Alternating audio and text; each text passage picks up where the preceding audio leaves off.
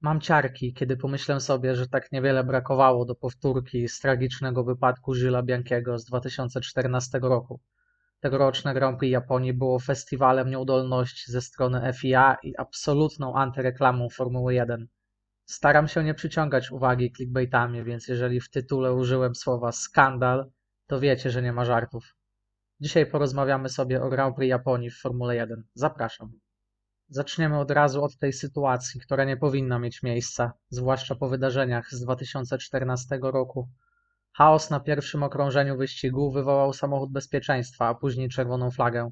Sędziowie tłumaczyli później decyzję o zatrzymaniu wyścigu częściowo pogarszającymi się warunkami, a częściowo koniecznością ogarnięcia bałaganu na torze. Usunięcia z trasy wymagał m.in. rozbity bolid Carlosa Sainza. Na torze pojawił się więc dźwig i to on jest sprawcą całego zamieszania. Widoczność była naprawdę zerowa. Wystarczy zobaczyć nagrania z kokpitu i dodać do tego fakt, że kierowcy generalnie nie mają jakiejś rewelacyjnej wizji ze swojej perspektywy. Jak do tego doszło? Że dźwig pojawił się na torze jeszcze w momencie, w którym nie wszyscy zjechali do alei serwisowej?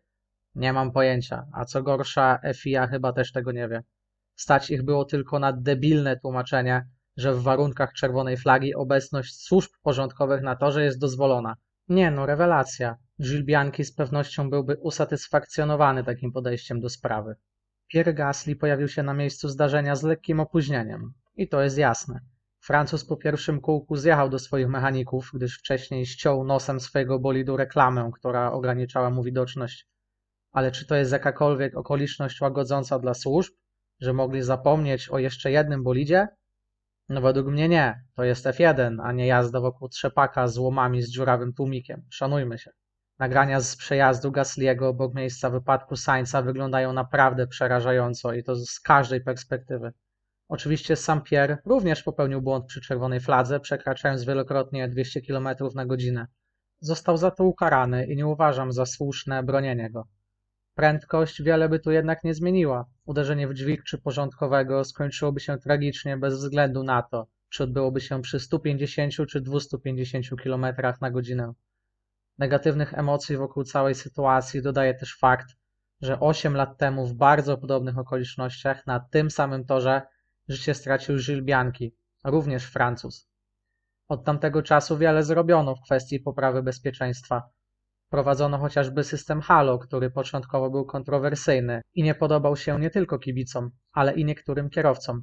Jednak zdążył już kilkukrotnie potwierdzić swoją przydatność, ratując życie Leclercowi, Grosjeanowi czy Hamiltonowi. Zmiany miały dotknąć też kwestii organizacyjnych w tego typu wypadkach. Prowadzono chociażby wirtualny samochód bezpieczeństwa, ale sytuacja na Suzuce pokazała, że te wszystkie usprawnienia można śmiało wyrzucić do kosza, gdy zawodzi najzwyklejszy zdrowy rozsądek. FIA zapowiedziała śledztwo w sprawie dźwigu na torze. Aż się boję rezultatów tego śledztwa, jeżeli będzie ono przeprowadzone tak, jak wyglądało liczenie punktów w klasyfikacji kierowców na zakończenie wyścigu.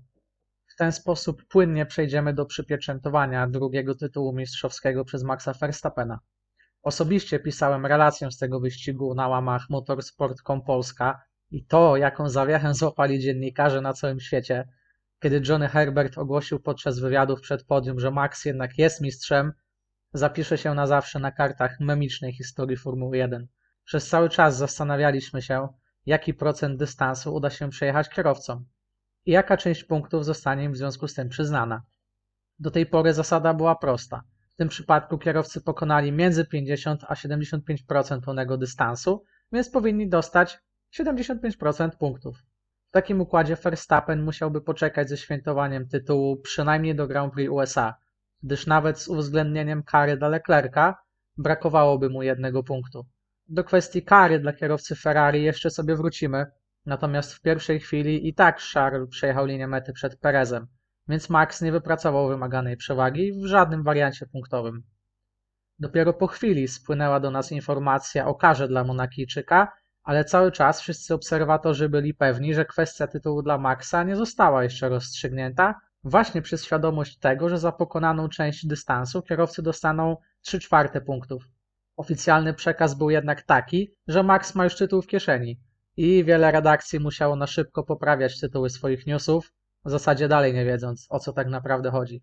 Niesamowicie kuriozalna sytuacja, która nie przystoi Formule 1. Dopiero po jakimś czasie dokopano się do zapisu w regulaminie, który mówi, że niepełne punkty są przyznawane wyłącznie w sytuacji, w której skróconego i przerwanego wyścigu nie można wznowić. A jako, że w Japonii wróciliśmy do jazdy na ostatnie 40 minut z regulaminowych 3 godzin, no to wszystko gra i dajemy pełną pulę. Yy, że co? Całe to zamieszanie wynika ze zmian, jakie wprowadzono do regulaminu po zeszłorocznej farsie w Grand Prix Belgii na torze Spa. Przypominam, wtedy przyznano połowę punktów za kilka okrążeń pokonanych za samochodem bezpieczeństwa, czyli jeszcze większy absurd. Powtórek właśnie takich sytuacji mieliśmy unikać, ale FIA może zaśpiewać Znowu w życiu mi nie wyszło. To nie do pomyślenia, jak władze sportu potrafią skomplikować tak proste kwestie, jak punktowanie skróconych wyścigów. Przez to oficjalna koronacja Maxa Verstappena była totalnie antyklimatyczna. Ale wyobrażacie sobie, co by się działo, gdyby podobny temat pojawił się w ostatnim wyścigu sezonu przy walce o tytuł, dajmy na to tak jak w ubiegłym sezonie? No przecież FIA nie pozbierałaby się z tego chaosu. Ich szczęście, że według Maxa wyszło całkiem zabawnie, a Ferrari i tak już mogła co najwyżej ponarzekać na szybkość przyznawania kar przez sędziów.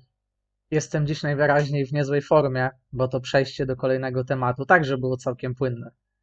Zgadza się, pora na kwestię kary dla Charlesa Leclerca za ścięcie szykanem w walce z Sergio Perezem. Według mnie sytuacja jest naprawdę bardzo prosta. Charles opóźnił dohamowanie podczas obrony drugiej pozycji i nie zmieścił się w zakręcie, a do tego wyraźnie przyblokował Czeko na wyjściu na ostatnią prostą. Nikt nie kazał mu popełniać błędu, więc zasłużone 5 sekund kary wylądowało na jego koncie bardzo szybko. Identyczna sytuacja miała miejsce w Kanadzie w 2019 roku, kiedy Sebastian Vettel dostał karę za przyblokowanie Louisa Hamiltona po ścięciu zakrętu. Wtedy też nie musieliśmy zbyt długo czekać na decyzję o karze dla Niemca. Niektórzy kibice, a co gorsza także szef Ferrari, Mattia Binotto, skarżą się przy tej okazji na tempo pracy sędziów. Binotto palnął już w tym roku jedną mocarną głupotę, mówiąc w okolicach przerwy wakacyjnej, że nie widzi problemu w wygraniu pozostałych wyścigów w tym sezonie. No, sami wiecie, jak dużo wyścigów Ferrari wygrało w ostatnich miesiącach. Półki aż uginają się od pucharów. Ja rozumiem, że ukaranie Sergio Pereza w Singapurze zajęło sędziom bardzo dużo czasu, ale nie róbmy normy z przeciągania prostych tematów.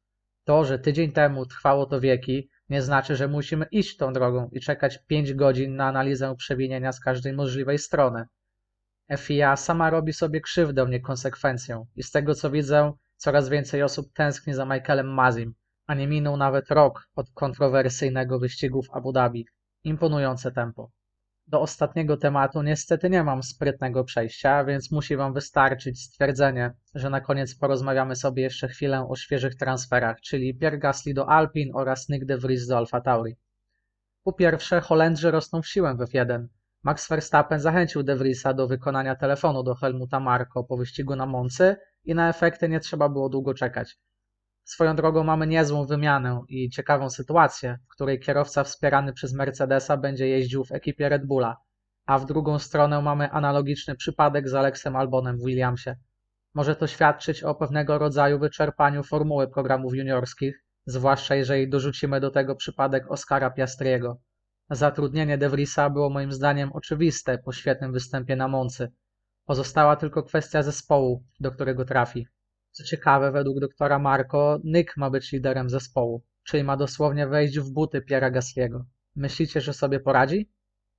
Gasly będzie musiał z kolei wejść w buty Fernando Alonso w Alpin, chociaż tutaj zmiana nie jest aż tak oczywista i według mnie to Ocon będzie uznawany za lidera ekipy, przynajmniej na początku. W ostatnim czasie nasiliły się komentarze mówiące, że Pierre i Esteban nie będą potrafili współpracować przez jakieś osobiste animozje, od początku mówiłem, że tego typu spory są jak najbardziej do zażegnania, kiedy w grę wchodzi fotel w F1. Tym bardziej, że Esteban dość szybko stwierdził, że nie ma już złej krwi między nim a jego rodakiem. Jestem pewien, że Gasly i Ocon dogadają się, przynajmniej na płaszczyźnie profesjonalnej. Nie muszą być przyjaciółmi, chociaż tutaj również myślę, że może dojść do nieco bliższego pojednania. Wszystko zależy też od formy zespołu, ale jeśli celem dalej będzie pogoń za czołową trójką konstruktorów, to w interesie zespołu oraz kierowców będzie maksymalne zjednoczenie. Taki obrót spraw pozostawia nam wolne miejsca już tylko w Williamsie i Hasie. Wygląda na to, że Logan Sargent zajmie miejsce po Nicolasie Latifim, a Antonio Giovinazzi lub Nico Hulkenberg trafią do Hasa, jeżeli Mick Schumacher nie utrzyma swojego miejsca. Osobiście nie jestem fanem zatrudniania ani jednego, ani drugiego. Zarówno Włoch, jak i Niemiec mieli już swoje szanse i nie błyszczeli. I to wszystko w kolejnym odcinku Motorsportu wieczorową porą.